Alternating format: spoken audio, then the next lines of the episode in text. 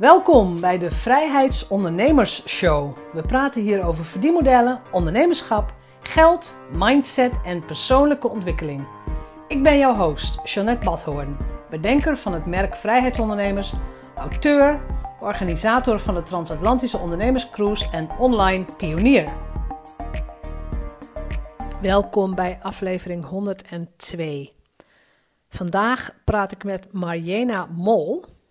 En Marjena heeft zelfs een Wikipedia-pagina, omdat ze in het verleden ook actrice is geweest en op onze nationale televisie was. Uh, ik heb dat zelf niet meegekregen, maar dat geeft niet.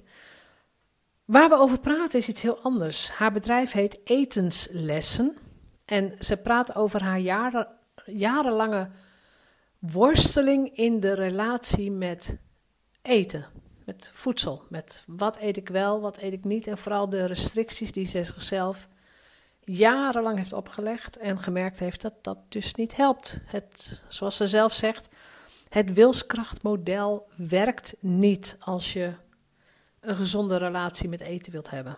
Nou, wat werkt dan wel? We, we praten daarover. Je krijgt sowieso concrete tips. We praten ook over wat haar podcast voor haar bedrijf heeft gedaan. Dus het, ze is ondernemer. Ze laat zien wat ze weet. Ze deelt haar kennis. En um, dat doet ze ook nu weer. Dus ik wens je heel veel plezier met dit gesprek. Marjena Mol, welkom. Dankjewel. En ik weet nu al dat het een geweldig leuk gesprek gaat worden. Want we hebben al een voorgesprek gehad en we, we raakten al niet uitgepraat. Dus ik denk, nee. laten we nou de opnameknop maar eens in gaan drukken. De reden dat ik jou heb uitgenodigd voor, deze, voor mijn podcast is dat ik, nou, sowieso, ik ben bezig met een podcast tiendaagse. Dus ik wil tien keer met mensen praten, ondernemers die een podcast hebben. En daar ook al een tijdje mee bezig zijn. Dus al afleveringen of in elk geval tijd hebben doorgebracht met dit medium. En ik ben heel bewust gaan zoeken op iTunes naar Nederlandse vrouwen die hoog in de ranking stonden in de categorie het zij zakelijk, het zij gezondheid en fitness heet die categorie volgens mij. En daar stond jij als hoogst genoteerde Nederlandse vrouw tussen. En ik kende jou nog helemaal niet. Ja. Dus dat is een compliment voor jou dat je zo hoog stond. Dat is, dat is echt top. Ik wist het niet. nee, je wist het niet. Maar heel veel mensen, ik kijk ook niet zo heel vaak naar die statistieken. Maar sowieso, ik wou ook met vrouwen spreken. Want podcast lijkt nog een beetje een mannenhobby. Dat gaan we veranderen. Ja. Maar ik ben natuurlijk, voordat ik überhaupt jou een berichtje heb gestuurd, ben ik eerst gaan luisteren. Ik denk, ja, weet je, als het niet interessant of niet leuk of je bent saai of weet ik veel, dan had ik geen contact met je opgenomen. Maar jouw podcast is ook wel zo leuk, vind ik. En het gaat ook over een onderwerp wat heel veel vrouwen raakt. Ja. Dus kun jij, eens, kun jij gewoon in een paar zinnen, welke pitch lever jij nu af als je op een bijeenkomst bent? Hè? Dus wie ben je? Wat bied je aan? En geef ons meteen eens een inkijkje in jouw podcast. Ja, heel graag. Dankjewel. Ik begeleid vrouwen die niet tevreden zijn over de manier waarop ze met eten omgaan. In het afvallen zonder dieet, oplossen van hun strijd met eten en creëren van een geweldige relatie met eten. En dat doe ik onder de noemer etenslessen. En dat is erg belangrijk. Ja. ja. Ja. Want het is volgens mij een onderwerp waar in elk geval de vrouwen die ik ken mee bezig zijn. En dan misschien meer nog in het negatieve. Ja. Nou, nee, ik ken ook wel een paar echte foodies die heel erg positief met eten bezig zijn. oh, dit is zo lekker en dit wil je proeven. Ja, ja. Ja, maar vertel eens iets over, jou, over jouw achtergrond. Hoe zijn, jouw, hoe zijn de lijntjes bij elkaar gekomen? Mhm. Eh, en waarom besteed jij je kostbare tijd aan het ons leren omgaan met eten? Ja, ik ben zelf op mijn veertiende in de valkuil getuimeld van het volgen van een dieet. En mijn verhaal is in die zin heel doorsnee. De, het merendeel van mijn cliënten, als ik aan ze vraag: heb je ooit een dieet gevolgd? Is het antwoord ja. En als ik aan ze vraag: hoe oud was je ongeveer toen je op dieet ging? Noemen 9 van de 10 van mijn cliënten de tienertijd. En omdat ik gewoon inmiddels ongelooflijk veel vrouwen heb gesproken over hun relatie met eten, weet ik uit al die verhalen dat de meeste vrouwen zeggen: Ik was niet eens dik, maar ik had natuurlijk eerst een sprietig kinderlijf. En toen kwamen die hormonen op gang, die cyclus kwam op gang. En ineens kreeg ik borsten en heupen en billen en een buikje. En dat voelde ongemakkelijk en het voelde als dik.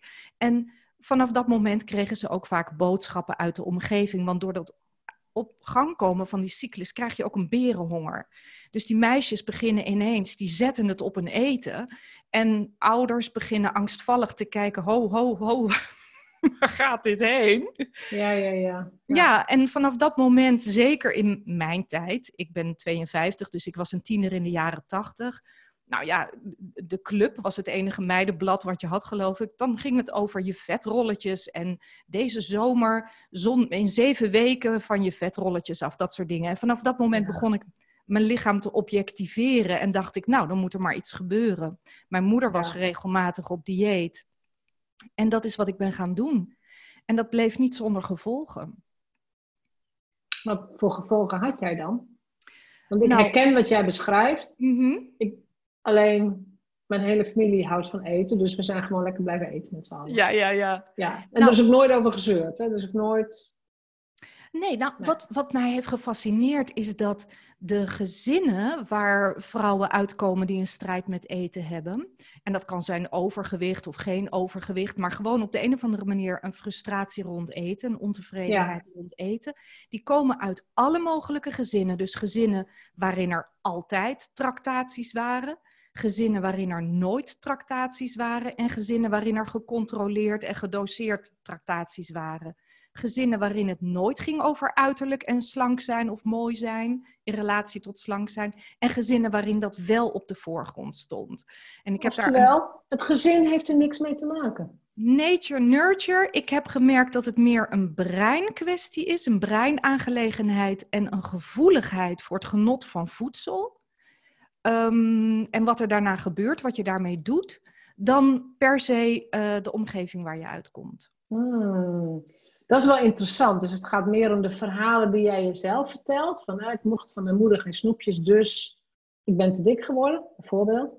Of mijn vader kraakte mij af en dus ben ik, uh, nou ja, eet ik te weinig of ben ik altijd, te, noem maar iets, hè.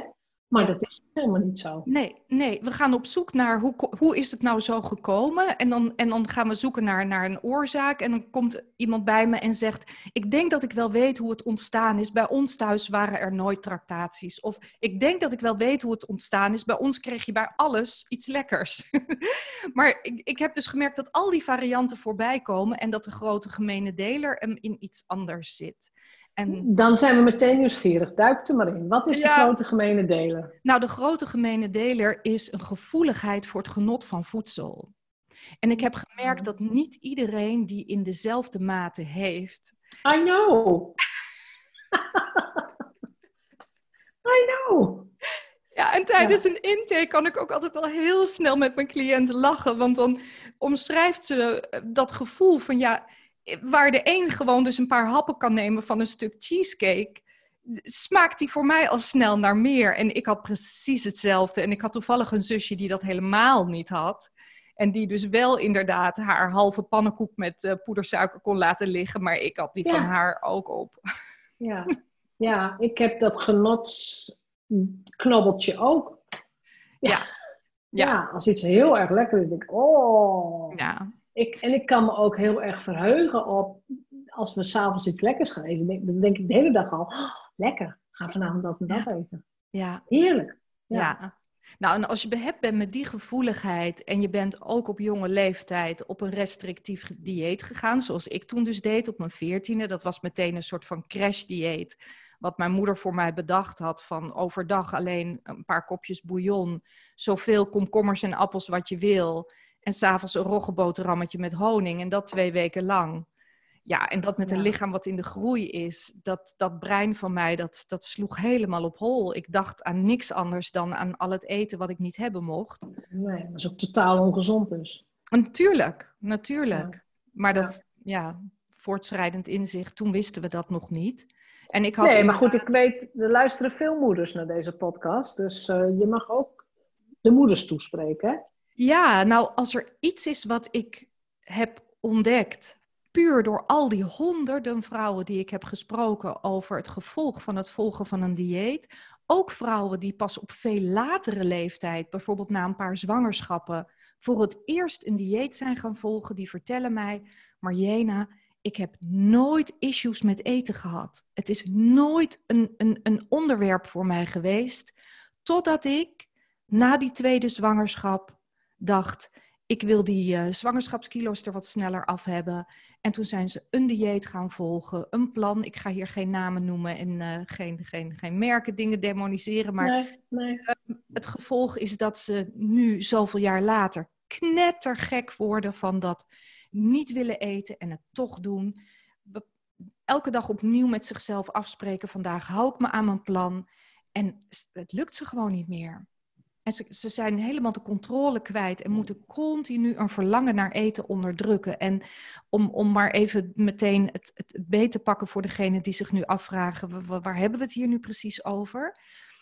Het deel van het brein waarmee jij en ik nu met elkaar in gesprek zijn en de luisteraar naar, naar ons luistert, is de Mhm. prefrontale cortex. En dat is het deel van het brein wat het concept van een dieet prima kan begrijpen. Ik wil graag gezond zijn, ik wil die zwangerschapskilo's eraf hebben, of ik word nu wat ouder, ik wil mijn gewrichten wat ontlasten en wat kilo's kwijt. Geen probleem. Maar er is een diepere laag in het brein, het limbisch systeem, wat het concept van een dieet niet kan begrijpen. Maar wel een spanning rond voedsel, restrictie rond voedsel, kan waarnemen en interpreteert als schaarste of een Ja. dreiging van schaarste. Ja. En vanaf het moment dat het die schaarste, die spanning waarneemt en het interpreteert als schaarste of dreigende schaarste, maakt het dopamine aan in het brein.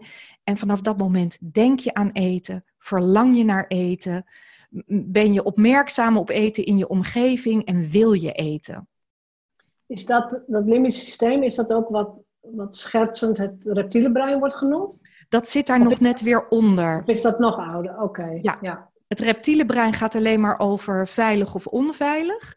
En het zoogdierenbrein, waar ook dat limbisch systeem onderdeel van uitmaakt, dat zoogdierenbrein, dat is het emotionele brein. En dat gaat over eh, pijn of fijn. En daarin, daar huist de genotzucht. Oké. Dan heb ik me ooit laten vertellen dat wij echt hardwired zijn op schaarste. Want vroeger Mhm. was er natuurlijk niet zoveel eten. Ja, ja. En als, als dat, want toen dacht ik ook van ja, als dat voor alle mensen zou gelden, dan zou iedereen veel en veel te dik zijn. Maar dat is dus ook niet zo. Nee, schaarste, die schaarste respons, die spanning van ik wil genoeg hebben, die wordt enorm aangezet als je jezelf ooit eten hebt ontzegd. Of, vermoed ik, maar dat weet ik niet, want die mensen heb ik niet gesproken, er inderdaad ook geen eten was. Ja, ja, ja. Of je hebt daadwerkelijk honger meegemaakt omdat er geen eten was. Of je hebt jezelf eh, restrictie opgelegd en gezegd. Hè, dus er- jij komt bij mij op visite en je hebt spontaan allemaal lekkere koeken bij je. En ik eh, zit net op een dieet en ik zie ze en ik denk onmiddellijk, oh lekker. Maar ik denk, nee, nee, nee, nee, nee, niet doen, niet doen. Je bent nou net zo goed bezig, het gaat al drie dagen goed, blijf er nou vanaf. Ja, ja. En dan Ja. ontstaat die frustratie in dat dieper, dieper eh, liggende gedeelte van het brein. Ja. Ja, dat herken ik wel in de zin van het is heel erg, ik kan me echt verheugen op eten. Mhm. En, maar ik heb, ik, heb, ik heb toch wel vrij strakke schema's wat ik op ongeveer in welke tijdspannen eet. Mhm. Als ik niet op zou letten, zou ik misschien de hele dag ook wel eten, denk ik. Nou, weet ik niet. Dus, dus het is wel waar wat jij zegt, van dat, dat je jezelf ook wel dingen ontzegt. Maar aan de andere kant wil ik ook niet dat ik mezelf dingen ontzeg. Mhm. Mhm. Ik wil ook dat, weet je, eten is er voor mij ook om van te genieten. Ergens diep in mij zit een of andere Italiaan, hij is niet te vinden hoor, maar het is er om van te genieten. Dat, dat heb En- ik wel heel erg. En waarschijnlijk, maar dat vind ik ook meteen leuk om even aan je te vragen. Waarschijnlijk ben jij niet alleen gevoelig voor het genot van voedsel, maar ben jij sowieso iemand die haar zintuigen aan heeft staan. Dus Ja. mooie muziek komt erg bij je binnen. Een horrorfilm komt ook bij je binnen. Of Kijk ik niet naar. Nee. slachthuisbeelden, dan... Kijk Ah, ik niet naar. Nee. Dus de- jij hebt een eh, sensitief instrument, een gevoelig instrument. En daarom komt dat eten ook dus zo goed bij je door. Begrijp je? Het is een totaalpakket. Ja, ik Ja. snap het. Ik snap het. Ja. Ja. En het is waar. Ik, ik heb de laatste jaren ook het nieuws bijvoorbeeld mijt ik. Want daar weet ik ook alleen maar triestig van. Ehm, maar het is, ik focus steeds, gewoon steeds meer en meer op... Oh jongens, het zonnetje schijnt. Oh, wat heerlijk. Oh, Ja. ik ga even lekker met de hond het bos in. Oh, wat fijn. Oh, ik ga even een paard lekker eh, borstelen. Of even met mijn paard iets doen. Oh, Oh, heerlijk. heerlijk. Gewoon hele, nou ja, simpele dingen misschien. Maar daar gedij ik het best op. Ja, ja, Ja. ja. En eten, waarschijnlijk, ik weet niet hoe jij het voor jezelf hebt ingericht, maar in dat voelen van overvloed, zodat je niet die, die restrictiefrustratie in jezelf activeert, gaat heel erg over het wel mogen, maar het niet willen. En mensen die nog nooit een dieet hebben gevolgd, die kunnen die stap makkelijker zetten, omdat ze weten, joh, ik mag altijd appeltaart. Daar gaat het niet om. Er is helemaal geen verbod. Ze denken niet in calorieën tellen en in, oh jee, daar- dat is een dikmaker. Heel, heel vaak hebben mannen, zelfs als ze wat overgewicht hebben, een prima relatie met eten. Omdat ze nog nooit een restrictief dieet hebben gevolgd. Dus Ja. het zien van een stuk appeltaart is voor hun niet beladen. Zo van, oei, oei, zal ik wel, zal ik niet? Mag het wel, mag het niet? Het is helemaal prima. En die mentaliteit. eh, dus denken in ik mag dit wel of ik mag dit niet. Nu mag het wel. Nu mag het niet, want het mocht gisteren. Dat, dat is dieetmentaliteit, is allemaal op restrictie, ja, van restrictie doorspekte taal. En dat veroorzaakt heel veel problemen. En dat veroorzaakt ook soort stress, zoals je het op je, op je website Ja. beschrijft. Ja. Ja. Ja, ook omdat dopamine eh, een, een, een, eh, een, dubbele, ja, een dubbele ervaring is. Aan de ene kant voelt dopamine dat stofje wat aangemaakt wordt zodra je denkt, oh wat lekker, voelt als je verheugen op, je verlekkeren aan. De andere kant van dopamine is een lichte vorm van stress. Dopamine veroorzaakt ook een beetje stress in het lichaam. En dat maakt dat als je op dieet bent en denkt aan wat je nog in het keukenkastje hebt liggen, je, je, het laat je niet meer los. Je denkt, oh, ik heb zo zin in. Oh, ik heb nog dit, ik heb nog dat. Oh. Ze roepen je gewoon. Ze roepen je, ze roepen je. En in je lichaam, als je er echt goed op gaat letten, voel je daarbij een lichte onrust. Je zit niet Ja. meer echt helemaal lekker op de bank. Ja. En dat is vaak de reden waarom je denkt, nou, ik eet het maar, dan heb ik het gehad ook, dan heb ik weer rust. Nou ja, dus zo denk ik niet. Ik denk dan, oh, dan eet ik het lekker. Het is zo lekker. Het is zo fijn. Ja. Maar ik denk dat jij dus ook wel, jij hebt denk ik ook wel een fijne relatie met eten. Ja, op zich wel, alleen ik ben 15 kilo te zwaar. Maar ja, Nou ik ja, heb er niet zo last van. nee. Dat is het een beetje. Dat ik denk van, ah, ja, ah, oké, ik word ouder. Overgang is trouwens wel, hè, want je zei ook al van, goh, je hebt ook een uitzending over de, of een interview over de Ja. overgang opgenomen. Ja. De overgang is wel, was wel echt plus 10 kilo bij mij hoor. Toen we Ja. het eenmaal doorzetten en ik eigenlijk een beetje op dezelfde voet doorging, dacht ik, oh, Ja. wat is hier eigenlijk gebeurd? Ja. Ja. Ik ben daar ook al een aantal jaren, of ook, ik ben er een aantal jaren al doorheen. Ik zit nu in dat vierde jaar. En ehm, ik merkte in de overgang dat met het verdwijnen van die cyclus je lichaam gewoon veel minder brandstof nodig heeft. En daarmee keldert je natuurlijke honger. Maar als je blijft opscheppen zoals je altijd deed, kom je dus langzaam maar zeker steeds meer aan. En dat het, is mij gebeurd. Ja. ja. zo gaat het. Maar En wat jij zegt, dan heb je minder honger. Dat heb ik dus niet. Ik heb altijd honger. Nee, ik denk dat we praten over zin in eten. Dat, Ah, dat maaghonger en, en zin in eten zijn twee verschillende sensaties. Ja, dat klopt. Ik heb het beide. Ik kan echt, echt duizelig worden van, van, oh, nu moet ik echt iets eten. Dan, dat je echt van die zwarte vlekken voor je ogen krijgt. mhm. Of je hebt gewoon inderdaad, ik verheug me lekker op de avondmaaltijd. Dat klopt. Ja, ja. Zijn wel verschillende dingen. Je vertelt hier heel graag over, hè? Mhm. En ook, ik bedoel, ik kan jou zien, de luisteraar niet, maar ook echt met, met, die, met die ogen van, dit is echt belangrijk. ja, Is dat ook de reden dat je met je podcast bent begonnen? ja, absoluut. Omdat ik, in mijn eigen verhaal, ik heb dat verhaal niet afgemaakt, maar waar het in een notendop op neerkomt, is dat mijn hele middelbare schooltijd langzaam maar zeker overschaduwd raakte door continu lijnen en doorslaan, lijnen en doorslaan. En ik begreep niet waarom het me niet gewoon lukte om me te houden aan mijn dieet. En in de loop der jaren escaleerde dat gevecht met eten. Ik wilde continu eten, Jeannette, je hebt geen idee. Ik, wilde, ik had een continu verlangen naar eten. En ik was elke dag bezig om het te onderdrukken en het linksom of rechtsom op de een of andere manier onder de klep te houden. En dat lukte me met de jaren steeds slechter. En ik werd hoe langer hoe zwaarder. Maar ik, wat mij het meeste pijn deed, was dat het zo knaagde aan mijn gevoel van eigenwaarde en zelfvertrouwen. Want hoe kun je jezelf nou respecteren en zelfverzekerd voelen als je geen controle hebt over je eigen gedrag?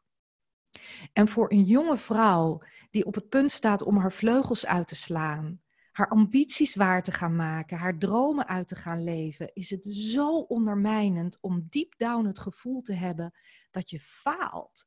Dat je tekort schiet, dat je een veelvraat bent en een, iemand bent met blijkbaar te weinig wilskracht en discipline. Want dat is in de kern wat de dieetindustrie ons heeft geleerd. Ja. Ik heb er een naam aangehangen, ik heb het het wilskrachtmodel genoemd.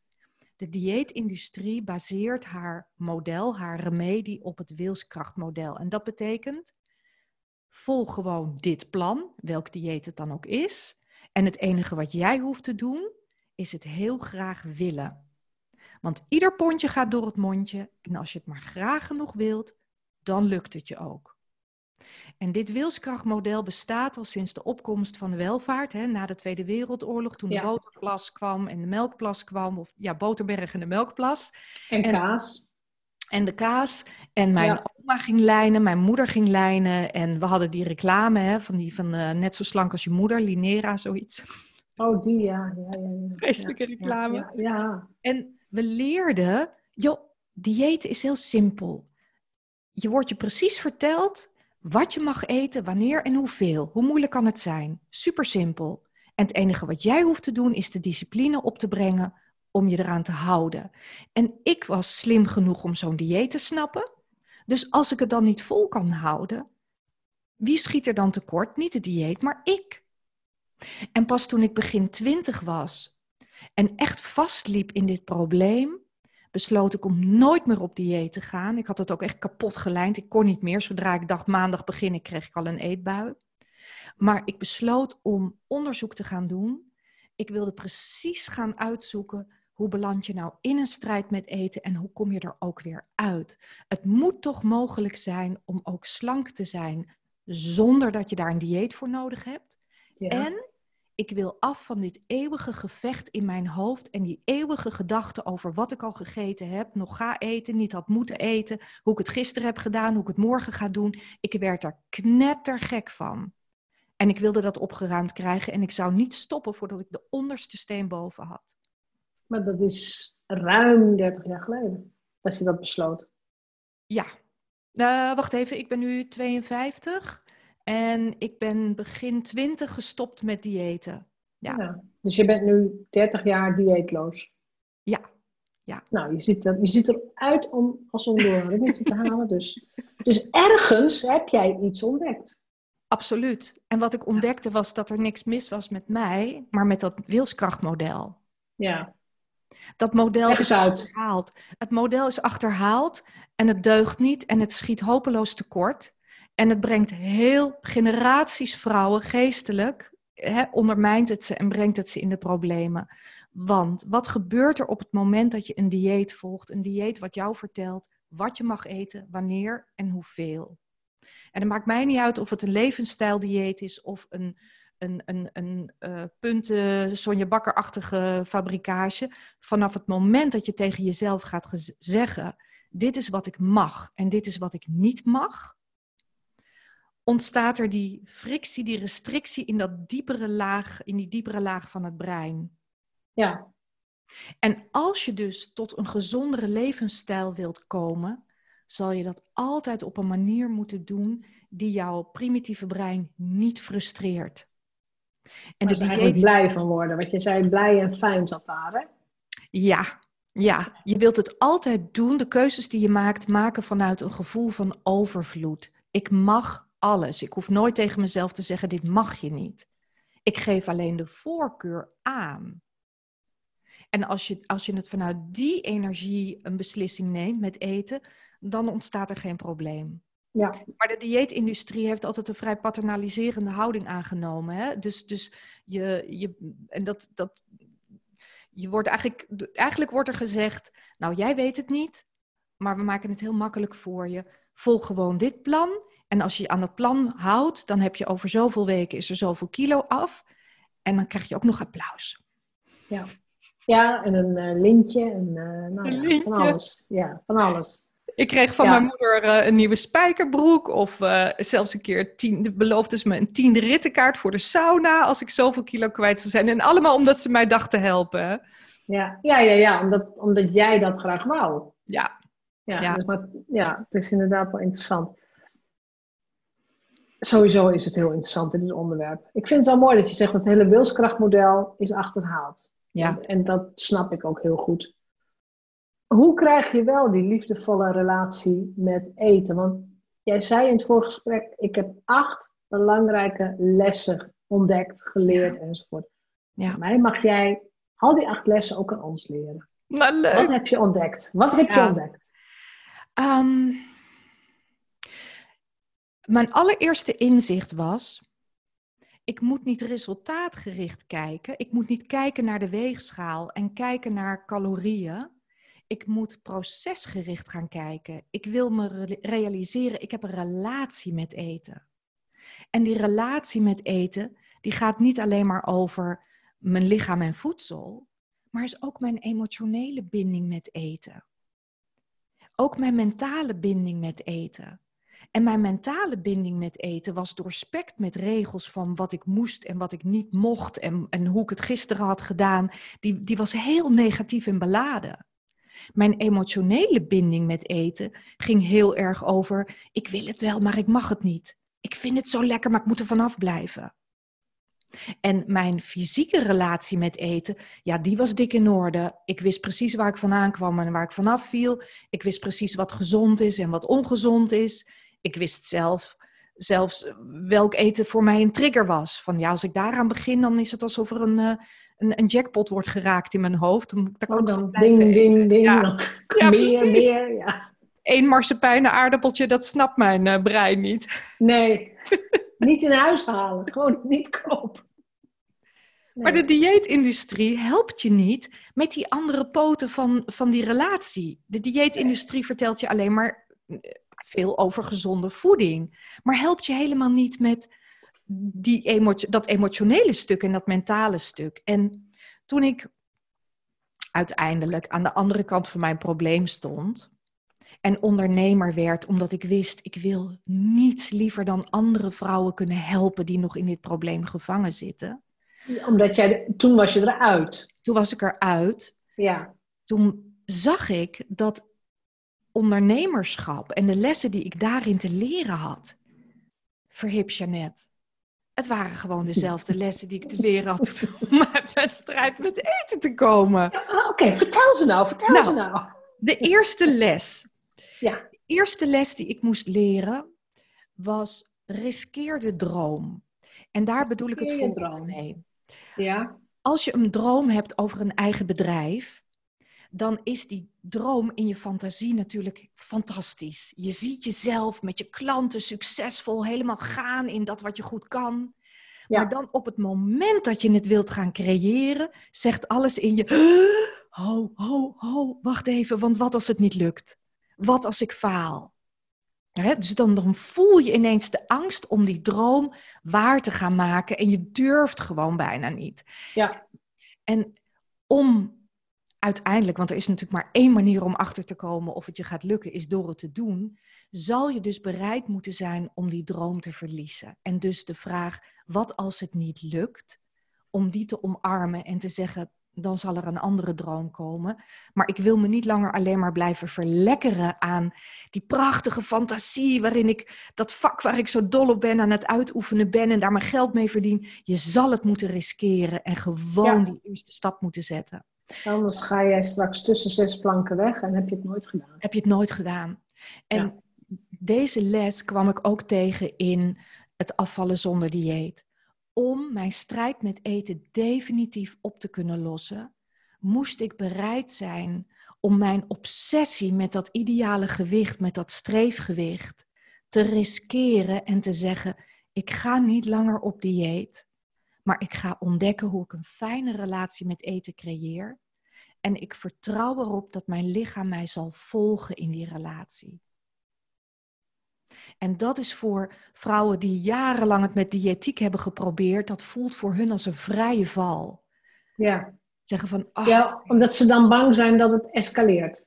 Exact. Ze zijn zo bang voor die, die, die, dat verlangen naar eten wat ze voelen, dat ze denken, joh, maar als ik niet de, hè, mezelf flink onder druk zet, dan, dan, dan word ik obese, dan blijf ik eten, dan word ik een tientonner. Ja. En ja, als je niets liever wil dan slank zijn en uit je gevecht met eten komen, is dat een ongelooflijk enge gedachte. Maar die overgave, misschien is dat een betere eerste. eerste overgave, ja. Overgave en zeggen: ik, ik, ik ga voor het proces, ik stap hierin en ik vertrouw op dat wat ik, hè, wat ik daarin ga ontdekken. Dat is de eerste les die ik daarin tegenkwam. En ik heb heel lang nog om mijn droom, mijn ondernemersdroom heen gelopen. Omdat, ja, die fantasie die was zo fijn. En ik was zo bang dat ik er misschien achter zou komen dat ik het niet zou kunnen. En nu? Ja. De werkelijkheid? De werkelijkheid is dat ik precies sta waar ik wil zijn. En dat het alleen maar beter wordt. Alleen maar, het gaat heel erg goed. Ja, dus het is toch die visualisatie die, uh, die je ook waar kunt maken. 100 procent. 100 procent, ja. Dan, de, het volgende inzicht wat ik, wat ik zag, wat ik herkende, wat je één op één kan vergelijken met afvallen zonder dieet, is je moet erin geloven nog voordat je het resultaat kan zien. Ja. Die onderneming, dat bedrijf waar je van droomt, je zal nog lang, lang, lang voordat je agenda vol staat met opdrachten, klanten, echt rotsvast in jezelf moeten geloven en zeggen: Ik geloof in dit plan. Ik geloof dat ik kan leren wat er voor nodig is om dit te realiseren. En niet alleen geloven, ik weet niet of jij dat volgende tip hebt, je moet ook gewoon lekker hard werken. Oh, absoluut, absoluut. Ja, dat, die, die komt eraan. en in afvallen zonder dieet ehm, zal je ook moeten geloven en moeten vertrouwen op het proces. Hè? Dus, dus nog voordat je een gram bent afgevallen, zal je die mindset moeten pakken van ik wil geloven, ik kies ervoor om te geloven dat ik in staat ben om te leren hoe ik een fantastische relatie met eten creëer. Ja, dat is een soort mantra, een soort affirmatie. Um, ik heb minder succesvolle ervaring persoonlijk met affirmaties dan met gedegen gedachtenwerk. Waarin je trapsgewijs steeds de gedachten kiest die opbouwend zijn, helpend zijn en die je op dat moment ook kan geloven.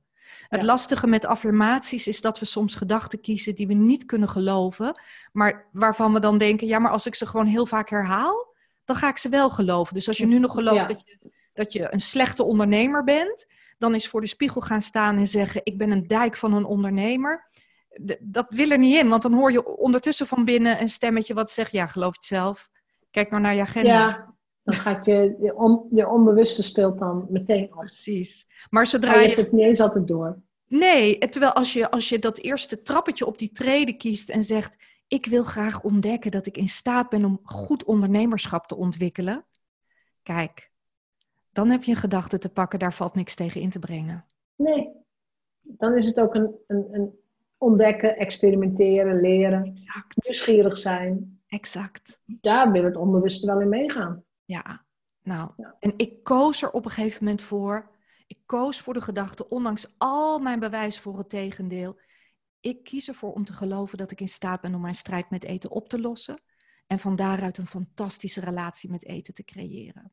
Ja, mijn derde inzicht is, ik moest leren in dit proces om procesgericht te kijken in plaats van resultaatgericht. Ja.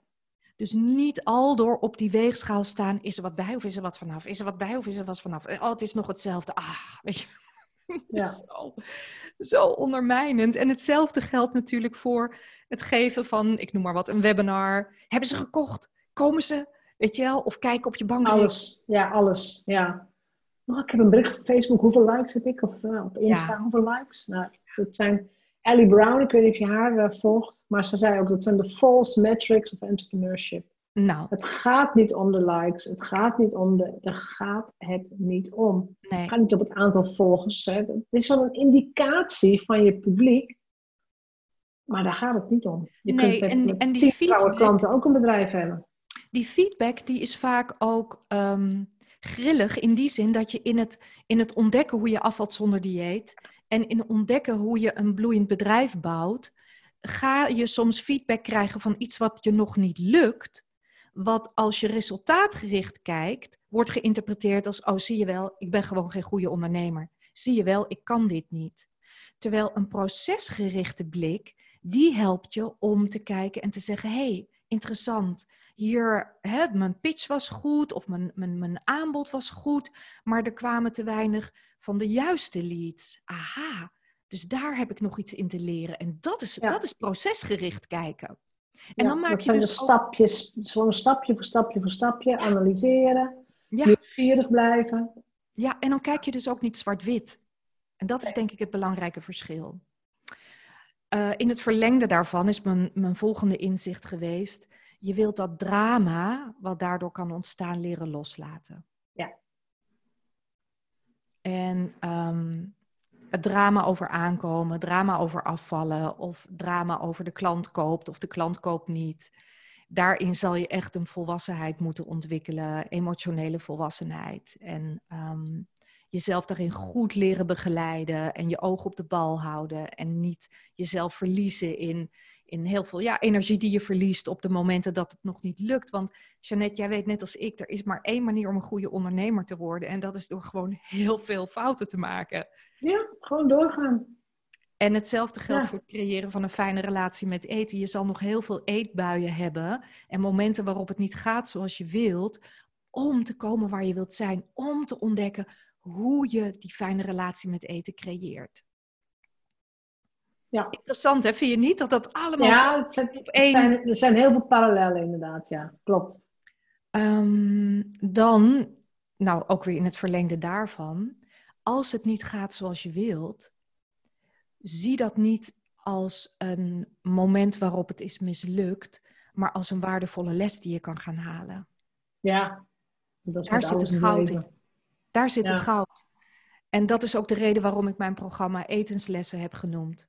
Ik heb al die momenten waarop het nog niet ging zoals ik wilde, gebruikt om te leren. Steeds opnieuw het goud gaan halen, terwijl de dieetindustrie heeft ons geleerd om heel zwart-wit te kijken.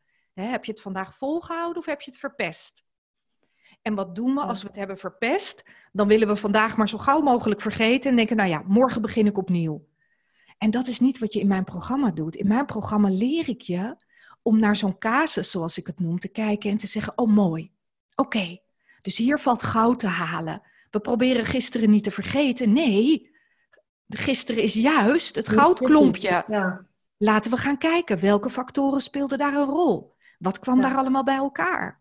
En exact ja dat is hetzelfde. echt re- reframing van dezelfde situatie. Precies. Heel goed. Ja, Ehm, belangrijk. Nou ja, je had het net al even over hard werken. Hè? Herhaal wat werkt. Ja, Bouw, bouw je vaardigheden op. Slijp, slijp je vaardigheid. Slijp je expertise. en, en is dat ook het aanleren van nieuwe gewoontes? Zit die ook hier? ehm, niet vanuit wilskracht, hè? het afdwingen bij jezelf, maar heel erg. Nou, als ik, het, als, ik het, als ik het dan even goed voor je neerzet. Bij herhalen wat werkt speelt bijvoorbeeld, ik noem maar een voorbeeld. Heel veel vrouwen en vrouwelijke ondernemers die hier naar luisteren zullen dit herkennen. Zeker als je een gezin hebt, heb je een werkpet en een privépet, een mamapet. En als je die, privé, die werkpet afzet en je komt thuis en je komt meteen in een situatie waarin de mensen van wie je houdt hun verhaal aan je kwijt willen, iets van je willen, of het huis is een, een rommeltje en er moet snel gekookt worden. Heel veel vrouwen missen daarin eerst de zorg voor zichzelf. Ja. En schieten direct in het er zijn voor de ander.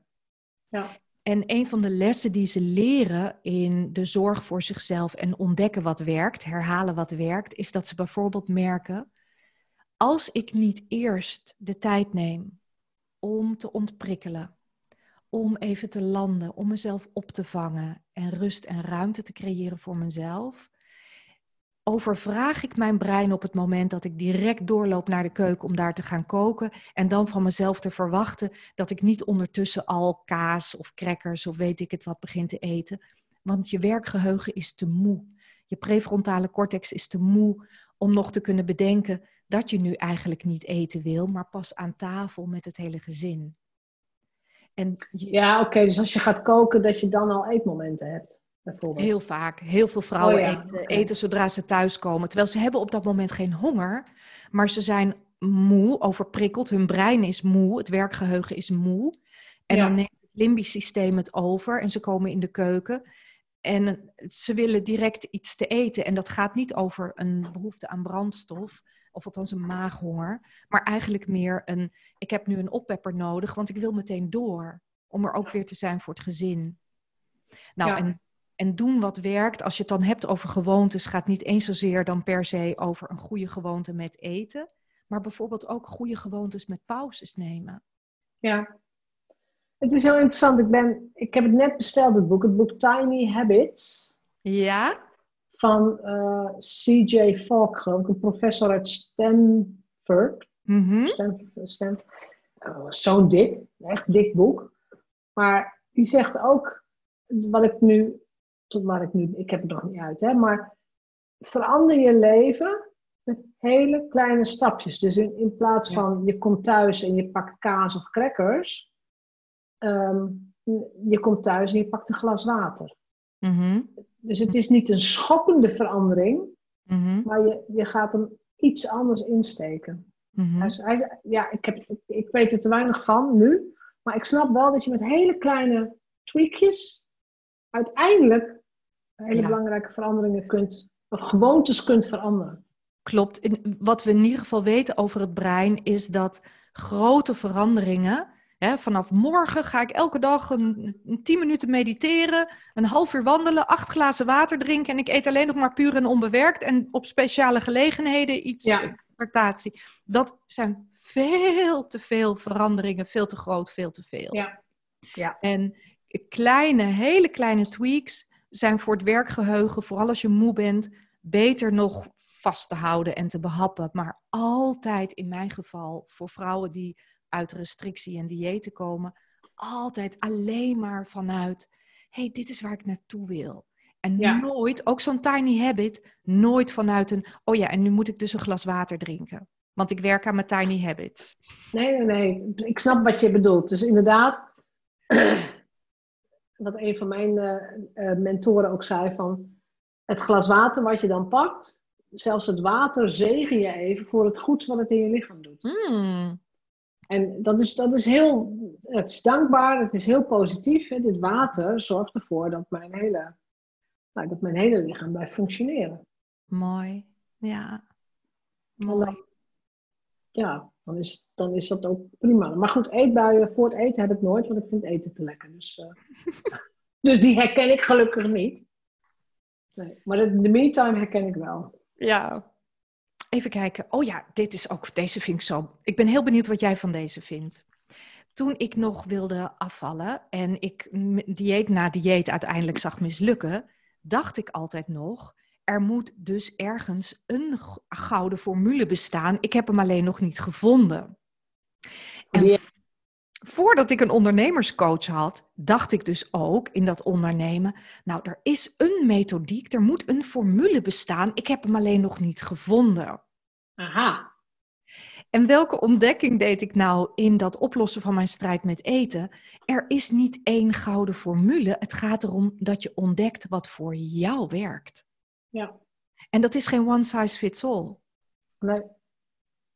En dat is met ondernemerschap inderdaad ook zo. 100 procent. 100 procent. Jij bent de basis van alles wat je doet, wat je uitstraalt, eh, met wie je werkt, alles.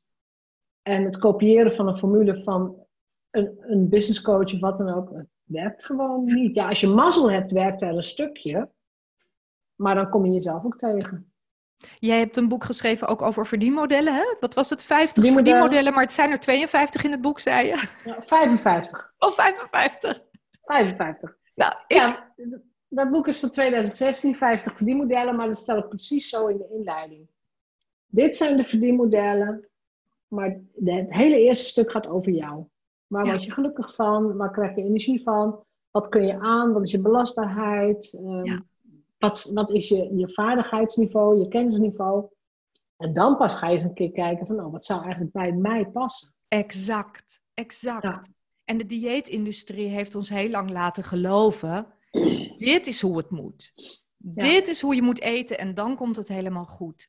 En daarmee sowieso leg je de autoriteit buiten jezelf, terwijl je wil altijd uiteindelijk zelf de autoriteit zijn in je eigen relatie met eten. Ja. Maar het, je wordt zo, um, het wordt je gewoon geleerd om te denken dat er dus ergens één sleutel is. En die boeken hebben ook vaak zo'n titel, hè? De, de, zeven sleutels, de vijf stappen. De... Het ultieme, uh, ja. Weet je, ik snap het wel, want mensen hebben wel structuur nodig. Mm als, ik, als ik inderdaad tegen iemand ga zeggen van, want het is ook vaak te genuanceerd, hè? zeker in marketing, van ja, er zijn 50 verdienmodellen en misschien moet je er twee of drie combineren. Maar we gaan eerst helemaal jou uh, uitpluizen. We gaan jou analyseren. We gaan kijken waar je goed in bent. We gaan kijken waar je, wat je als kind leuk vond en hoe je in flow komt. Ja, dan is iemand al afgehaakt. Ja. Dat is allemaal veel te ingewikkeld. Ja. ja. Ja. Maar uiteindelijk, ik heb ook heel graag dat mensen gewoon gaan experimenteren. Ga maar dingen doen. Ga maar proberen. En dan kom je er wel achter dat het model wat bij, nou ja, bij Pietje Puk heel goed werkt, bij jou dus helemaal niet past. Je wordt er helemaal niet blij of gelukkig van. Ja. Nee, dat is logisch. Je bent ook een andere persoonlijkheid. Het maakt me ook wel nieuwsgierig. Merk jij dan dat je klanten hebt waarvan de een zegt: joh, ik ben een enorme doener. Laat mij gewoon meteen allerlei verdienmodellen uitproberen. En dat de ander zegt: nee, ik wil eerst helemaal lekker door die molen van ehm, goed ontdekken wie ik ben, wat zijn mijn voorkeuren, wat ligt mij, waar ligt mijn kracht? De gemiddelde ondernemer is niet langdenkerig. Dus, het is gegeneraliseerd, hè, maar de gemiddelde ondernemer waar ik mee werk, neemt juist te weinig tijd voor dat stuk zelfreflectie, zelfonderzoek. Ehm, ik heb een HR-achtergrond, dus ik heb ook als HR-manager heel veel, nou ja, sowieso assessments moeten doen, heel veel over persoonlijkheidsleer moeten, moeten, moeten leren. Ja. Dat is een voordeel. Dat is een voordeel omdat ik heel snel ook kan, dingen kan connecten en kan schakelen. En ook als ondernemer kan zien van, oh, dit is een eigenschap die daar en daarbij zou horen. Oh, dan weet ik nog uit die periode dat je nou ja, zus of zo aangestuurd moet worden. Mooi. Of, dus dan kun je jezelf een beetje aansturen.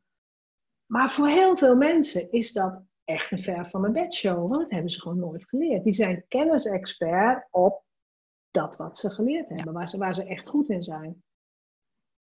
Maar ik zal ook nooit zeggen dat je een jaar lang... Uh, diepgaand zelfonderzoek moet gaan doen voordat je ondernemer wordt. Nee, ga maar testen, ga maar experimenteren, loop maar tegen de schutting of weet je, loop maar tegen een plafond aan, want dan pas kun je de volgende stap gaan maken. Ja. Je moet toch eerst gewoon doen. Ja, ja. En als je inderdaad drie, vier, vijf jaar alleen buffelt en je komt niet verder, en je zit op een bepaald plafond en de klanten komen niet, of het is moeilijk, je hebt er niet echt lol meer in, ja, dan moet je ook inderdaad gaan denken, goh, ik doe nu alles alleen, is dat nou wel zo slim? Dus dan moet je ook gaan kijken, hoe doen andere mensen dat dan? Hoe doen succesvolle ondernemers dat dan? Ja. Dus dat, Dat, nou ja, dat modelleren, wat uit de NLP komt, je moet jezelf ook toestaan om van mensen die een paar stapjes voor jou zijn, gewoon te leren. En te absorberen. En niet steeds zo eigenwijs zijn om zelf het wiel opnieuw uit te vinden. Het wiel is wel uitgevonden. Je moet alleen zorgen dat jij erop kunt rijden. Dat, dat is eigenlijk alles. Ja, ja. Ik weet wel heel goed wat niet werkt. Dat kan ik bij, bij een gemiddelde ondernemer in 10 minuten kan ik zien, oh, dit werkt niet. Ik weet waarom jij geen klanten hebt. Ja, ja, precies. Maar dat vertel ik ze niet hoor. Dat, uh, alleen mensen die dat aan mij vragen of die in mijn groepen zitten, dan vertel ik je. Maar ik kan het wel zien, ja. Ja, ja, ja. Nou, dat um, sluit heel mooi aan bij mijn uh, laatste belangrijke inzicht daarin. En dat is laat je coachen. Laat je helpen. Ja, Ja, laat je helpen. Ja. Ja. Maar ja, ik, ik kan me ook niet voorstellen dat je dat niet zou willen. Want iedereen die succesvol is, of het nou een topsporter is, of een ondernemer, of een, weet je, een, een executive, of wat dan ook, mensen die echt stappen nemen en groeien, die hebben allemaal links of rechts hulp, sparringpartners, Rotary clubjes, mastermind groepen. Iedereen die, er, die ervoor open staat, die groeit. Ja, ja. En, ik, bedoel, ik, ik weet niet, hoe heet nou die hele bekende hardloper? Nou, ik weet niet meer. Die had geloof ik twee of drie coaches. Die had zelfs één coach alleen maar voor de afzet, afzet voor het sprinten. Ja, ja, ja, ja. Alleen maar op dat stukje letten. En dat kun je als ondernemer ook denken van dit stuk in, in mijn ontwikkeling of in mijn bedrijf, dit stuk ben ik gewoon niet goed in. Of dan wil ik, Mhm. ik wil het in elk geval zodanig beheersen dat het goed loopt. En je hoeft niet overal super goed in te worden, maar als je bijvoorbeeld moeite hebt met salesgesprekken, zoek dan ook iemand die jou dat zodanig leert dat het bij jou past. Dat het geen trucje is, Mhm. iets is wat gewoon in jou Ja. kruipt. Ja, ja. Maar inderdaad, ja, zoek een coach. Zoek minimaal Ja. een coach. En, en dat gaat vooral, denk ik, ook over de positie innemen van een leerling. Daarom heet mijn Ja. programma ook etenslessen. Op het moment dat je dat resultaatgericht kijken loslaat en zegt: Oké, ik ben niet tevreden over de manier waarop ik met eten omga. Ik wil heel erg graag een fijne relatie met eten. Ik wil rust in mijn hoofd. Ik wil slank kunnen zijn, maar op een manier die niet als volhouden voelt. Dat was voor mij een hele belangrijke voorwaarde. Er zijn genoeg Ja. vrouwen die super slank zijn, maar je wil niet weten waar ze, hè, wat ze de hele dag denken over eten. Dus ehm, als, als, je, als, je, als je uitgaat van dat proces, dan neem je dus ook een positie in van leerling. En dan zeg je, ik, oké, dan ga ik nu ook steeds kijken en onderzoeken wat werkt er, wat werkt er niet.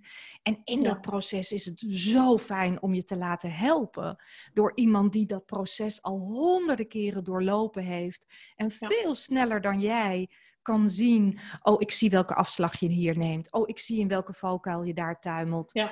En, en je daar veel vlotter doorheen kan begeleiden. En, ehm, ja, en hetzelfde geldt voor ondernemerschap. Ik ben zo blij dat ik me laat helpen. En, Ja. en, en een leerling mag zijn, het voelt ook als een enorme fijne luxe. Om aan, aan de ene kant Ja, maar zelf... toch is het, het is geen luxe. Want het Nee. feit dat jij investeert maakt ook dat, dat het bedrijf ineens wel gaat flo- floreren. Het is voor mij een, een voorwaarde. Het is een voorwaarde, 100%. Ja. Eigenlijk dat ik dat nu zeg, daarmee bedoel ik aan te geven dat ik er zo ontzettend van geniet. Ik vind het zo Mm. fijn. Het voelt Ja. zo. Ja, maar dat komt ook omdat ik heel leergierig van aard ben. Dus ik, ik, ik, voor mij is, is niks zo fijn als mogen luisteren naar een heldin die, die mij zeven stappen voor is. En mij een kijkje geeft, nou ja, een kijkje, al haar rijkdom met mij deelt. Al haar tools, haar technieken, haar, haar onderzoeken, haar, ah, haar expertise. Ja, Ja. echt een Ja. leermeester hebben en dan de leerling mogen zijn. En ik ben toevallig iemand die heel graag leert door de kunst af te mogen kijken. Dus ik Ja, leer heel snel als, als jij maar vertelt hoe jij het do- doet, dan, dan neem ik dat in me op en dan gaat dat nergens meer naartoe. Ja. En dat, eh, ja, dus dat, dat, dat bedoel ik met, eigenlijk niet zozeer met luxe, maar bedoel ik met dat, het, eh, dat ik er gewoon gigantisch van geniet. Nou ja, precies, jij floreert daar ook bij. Maar ik ben heel blij dat jij het woord leerling noemt. Want ook als jij een coach zou kiezen, let erop dat jouw coach ook nog steeds leerling is. Mhm. Want dat is de cyclus waarin je met elkaar doorgroeit. Ja, Want iemand die denkt dat hij de wijsheid in pacht heeft, hard bij weglopen. Niemand weet alles. Niemand. Ik bedoel, dat is ook de, ik, ik- het was ook het gesprek met Elke Wis over Socrates op sneakers, over haar boek. De- de- het uitgangspunt van Socrates is altijd, ik weet dat ik niks weet. Ah, En dat is een fantastische positie, zowel als coach, als leerling, als masterminder, als collega, als wat dan Ja. ook. Goh, ik weet wel heel veel, maar er is nog veel meer wat ik niet weet. ja, Dus ik ga me ook ontwikkelen. Ik blijf boeken lezen, ik blijf dingen volgen. Dus als je overweegt om met een coach te gaan samenwerken, let daar ook op. Is die Ja. coach zelf ook nog leerbaar? Hè? Is het iemand die zich ook nog ontwikkelt? ja, ja. Dan zit je in een goede dynamiek. Mhm. Ja, eens. Ja. Dus dat is een hele belangrijke. Ja. Doe het niet alleen. Ja. Als je het alleen zou kunnen, had je het al gedaan, zeg ik heel vaak. Ja, en als ik nu zie hoe, hoe ik tijd heb gewonnen door me te laten helpen, dat is onvoorstelbaar dat verschil. Mijn bedrijf is echt sky high gegaan, gewoon omdat er iemand was die ernaar kon kijken en al binnen 10 minuten kon zeggen: Ja, voor dit verdienmodel heb je nog helemaal het bereik niet, je hebt de cijfers niet. ik zat echt zo net op een punt dat ik wist: oké, ik moet nu of gaan bijbeunen om mijn eigen bedrijf te sponsoren, of ik ga nu een coach nemen en, en ik laat me helpen. En dat ik het zo lang heb uitgesteld was omdat ik last had van de gedachte: uh, laat nou eerst maar eens zien dat je het kan. Hele rare. Soort ja, van... net zeggen, dat doen we bij alle andere dingen niet, hè? Dan gooi je ook geen kinderen in het zwembad. Zo van, nou, laat eerst maar zien dat je het kunt. Dan doen we daarna de instructie wel. Dat is alles, leren wij met een soort supervisie of met begeleiding. Weet je, paardrijlessen, autorijlessen. Ja. Overal is instructie voor. Ja. Ook voor ondernemerschap. Ja. Het is een hele rare gedachte van mensen dat, ja, weet je, dat moet je toch gewoon kunnen. Nee. Ja. Nee, absoluut. En ik heb nog daarvoor heb ik last gehad. Dus ik had last van de, van de ondermijnende gedachte. Laat nou eerst maar eens zien dat je het kan. Zorg eerst dat je voldoende buffer hebt voordat je die uitgave doet. En een andere ondermijnende gedachte waar ik last van had is... als ik nou maar gewoon heel erg goed ben in mijn vak... Mm. Dat, moet dat toch genoeg zijn? Dan komen die klanten toch mm. wel? Dat is een grote valkuil. Ja, echt zo suf. Zo suf. Want... En op elk niveau zie ik dat, hè? Want er zijn, er zijn, als je een goede marketeer bent, dan hoef je maar een heel klein kunstje te beheersen en de klanten vliegen binnen. Mhm. En dat zie ik ook gebeuren. Mhm. En de echte experts, die kijken ernaar en die zeggen, ja, maar die persoon is helemaal niet zo goed. Ja. Ik zeg, nee, maar die hebben hun marketing op orde. Ja. Dus waar moet jij aan werken? Moet je nou nog een vaktraining doen om te zorgen dat je nog slimmer wordt of nog beter? Nee, je gaat je marketing beheersen. Je gaat aan je website werken. Je gaat je sales beheersen. Je gaat naar je eigen waarde kijken. Ja. Daar zit het verschil. Ja. En dat is geen populaire boodschap altijd hoor, maar ze krijgen het Ja, ik, ik, ik heb gewoon echt, echt zelf ondervonden door te denken, nou, dat, hè, dat, die, die, die vakkennis, mijn eigen expertise, dat moet voldoende zijn. Ik ben daarbij compleet voorbij gegaan aan het feit dat ik er gewoon, om, omdat dat de enige manier was om, om het te kunnen doen, een tweede vak bij moest leren. En ondernemen is echt een vak. Het is, Je hebt er andere skillsets voor nodig. Er zijn wel weliswaar, er zit heel veel overlap in de lessen die je te leren hebt, maar het is echt iets heel anders. Ja. Het is echt iets heel anders. Het is mooi dat je dat zegt van, um, het feit dat jij expert bent, dat is gewoon een noodzaak om een bedrijf te beginnen. Als je er, helemaal, als je er ook nog geen verstand van zou hebben, ja, doe dan wat anders. Ja. dat is een noodzaak en de rest moet je leren. Is dat ook even een reden dat je met je podcast bent begonnen? Om ook je expertise te laten zien, te laten horen in dit geval? Um, ja, ja. Wat ik zag is dat hè, wat, ik, wat ik aanbied is nog heel nieuw. Wat ik doe is heel avant-garde. Het is, het is ja, voor de troepen uit. In jouw branche wel, ja. In de ondernemersbranche niet.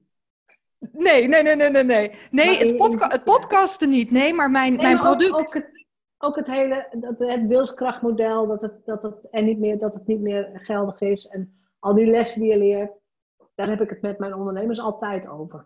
Ah, ja, ja, ja, ja. zit ja. wel in een bubbel waar zeg maar die hele identiteitscoaching, transformatie, dat het volledig normaal is dat je het daarover hebt.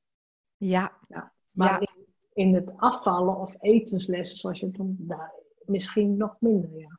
Precies. En ik, ik zag daardoor dat als ik wil dat dat breed bekend wordt, dat dat een podium krijgt, dan moet ik nu of een boek schrijven waarmee ik aan tafel kan komen bij alle bekende televisieprogramma's. Ja. Of ik moet er zelf een podium voor creëren. En dat boek, dat ben ik al aan het schrijven, maar het, het, liet eindeloos op zich wachten, omdat ik geen business coach had en steeds heel hard aan het trappelen was om het hoofd boven water te houden. En dan is een boek schrijven een soort van luxe die je er op dat moment niet bij kan hebben. Dus dat boek, dat, dat kwam er alsmaar niet. En, ehm, en dus wist ik, oké, dan, dan, dan wil ik zelf een podium creëren. En omdat ik ja, jarenlang communicatietrainingen heb gegeven en een achtergrond heb in theater, televisie en film, is voor mij overdracht, spreken, uh, een, een, een warm bad waar ik me heel, heel erg in thuis voel. En een podcast geeft de ruimte die een blog niet geeft om een concept, een idee, wat best complex is, uiteen te kunnen zetten in een kwartier. Niemand wil een kwartier lab tekst lezen. Een enkeling, maar... Klopt. En ze luisteren wel een uur naar je podcast. Ja, en mensen vinden het ook fijn vaak om lekker terwijl je met de hond wandelt. Of nou, nu door corona wordt er niet, uh, niet, uh, niet zo gecommute. Maar als je met de auto file rijdt en je kan naar iets luisteren waar je wat van leert. Wat je verder helpt in iets wat heel belangrijk voor je is. Ja, dat is, dat is natuurlijk heel erg fijn. Ja, klopt. Dus je hebt het echt wel strategisch gekozen om dat wat nog niet mainstream is in stukjes te hakken. Ja. En dat de wereld in te ja. ja. geven eigenlijk. Ja. Dat aan de wereld te geven. Ja, ik, vind het, ik, snap het ook. Ik bedoel, je hebt ook een fijne stem om naar te luisteren. Dus het, het, klinkt ook van, weet je, ja, die mevrouw weet waar ze het over heeft. Nou, dank je. Ja. ja. dat is ook belangrijk. Dus je hele know, like en trust gaat ook omhoog. Nou, dat is iets, ik ben daar zo blij mee. Als er iets is wat ik, wat de grootste wat mij heel erg blij maakt en waar ik heel veel plezier uit haal met het podcasten, is dat alle klanten die bij mij komen, die passen ook echt heel erg goed bij me. Ja, maar die hebben onderzoek naar jou gedaan.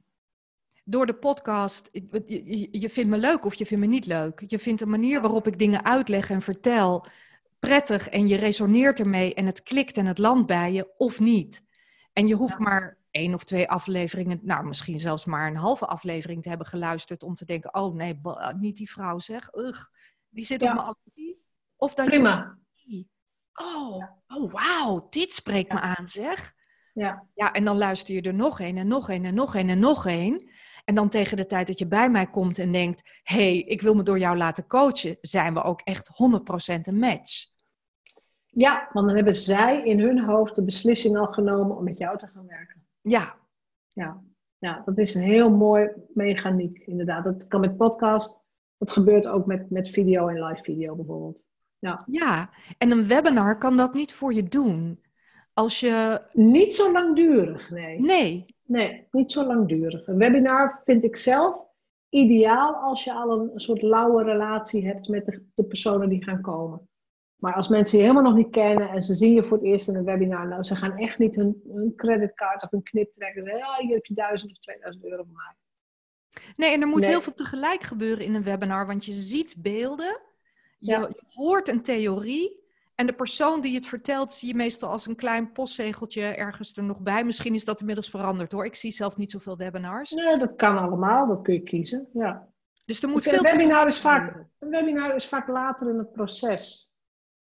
Dus op het moment dat mensen tien keer een podcast van jou hebben geluisterd en ze komen dan naar een webinar over een specifiek onderwerp en je doet dan een aanbod, dan is het ook volledig logisch. Mm Dat ken ja. je al. Ja. ja. Dus dat is, uh, dat is heel interessant. Goed, ja, we zijn door de tijd. Ja? Ja. We kunnen nog uren doorpraten, maar ja, heerlijk. Misschien doen we dat een volgende keer als we weer een, een, onderwerpje. Want ik ga zeker, ik heb een paar podcasts van je geluisterd, maar nog lang niet allemaal. Um, want inderdaad, wat je zegt, ik zit niet in de auto, ik zit niet in de trein. Uh, ja. Ik luister iets minder dan, dan gebruikelijk misschien, maar gaat wel komen. Maar bedankt voor je mooie lessen. Bedankt ook dat jij zegt dat jouw podcast ervoor zorgt dat de ideale klant bij je komt. Ja. Dat vind ik echt dat is een heel belangrijk inzicht. Want ik weet, er gaan mensen luisteren die ook willen gaan podcasten. Mm en nou ja, de voor's en de tegens komen vanzelf bij elke aflevering wel aan bod. Maar voor jou heeft het echt een wereld van verschil gemaakt, denk ik. Ja, ja. Alleen maar plussen. Zowel in mijn werkplezier als in het bereiken van mijn ideale klant. Als in het kunnen delen van, van, van mijn kennis. Um, ja, het vergroten van mijn bereik, alleen maar plussen. Ja, dat is toch fantastisch. Ja. Dat, ik bedoel, je doet het ook om het te delen, maar het is natuurlijk heel erg fijn als het opgepikt wordt.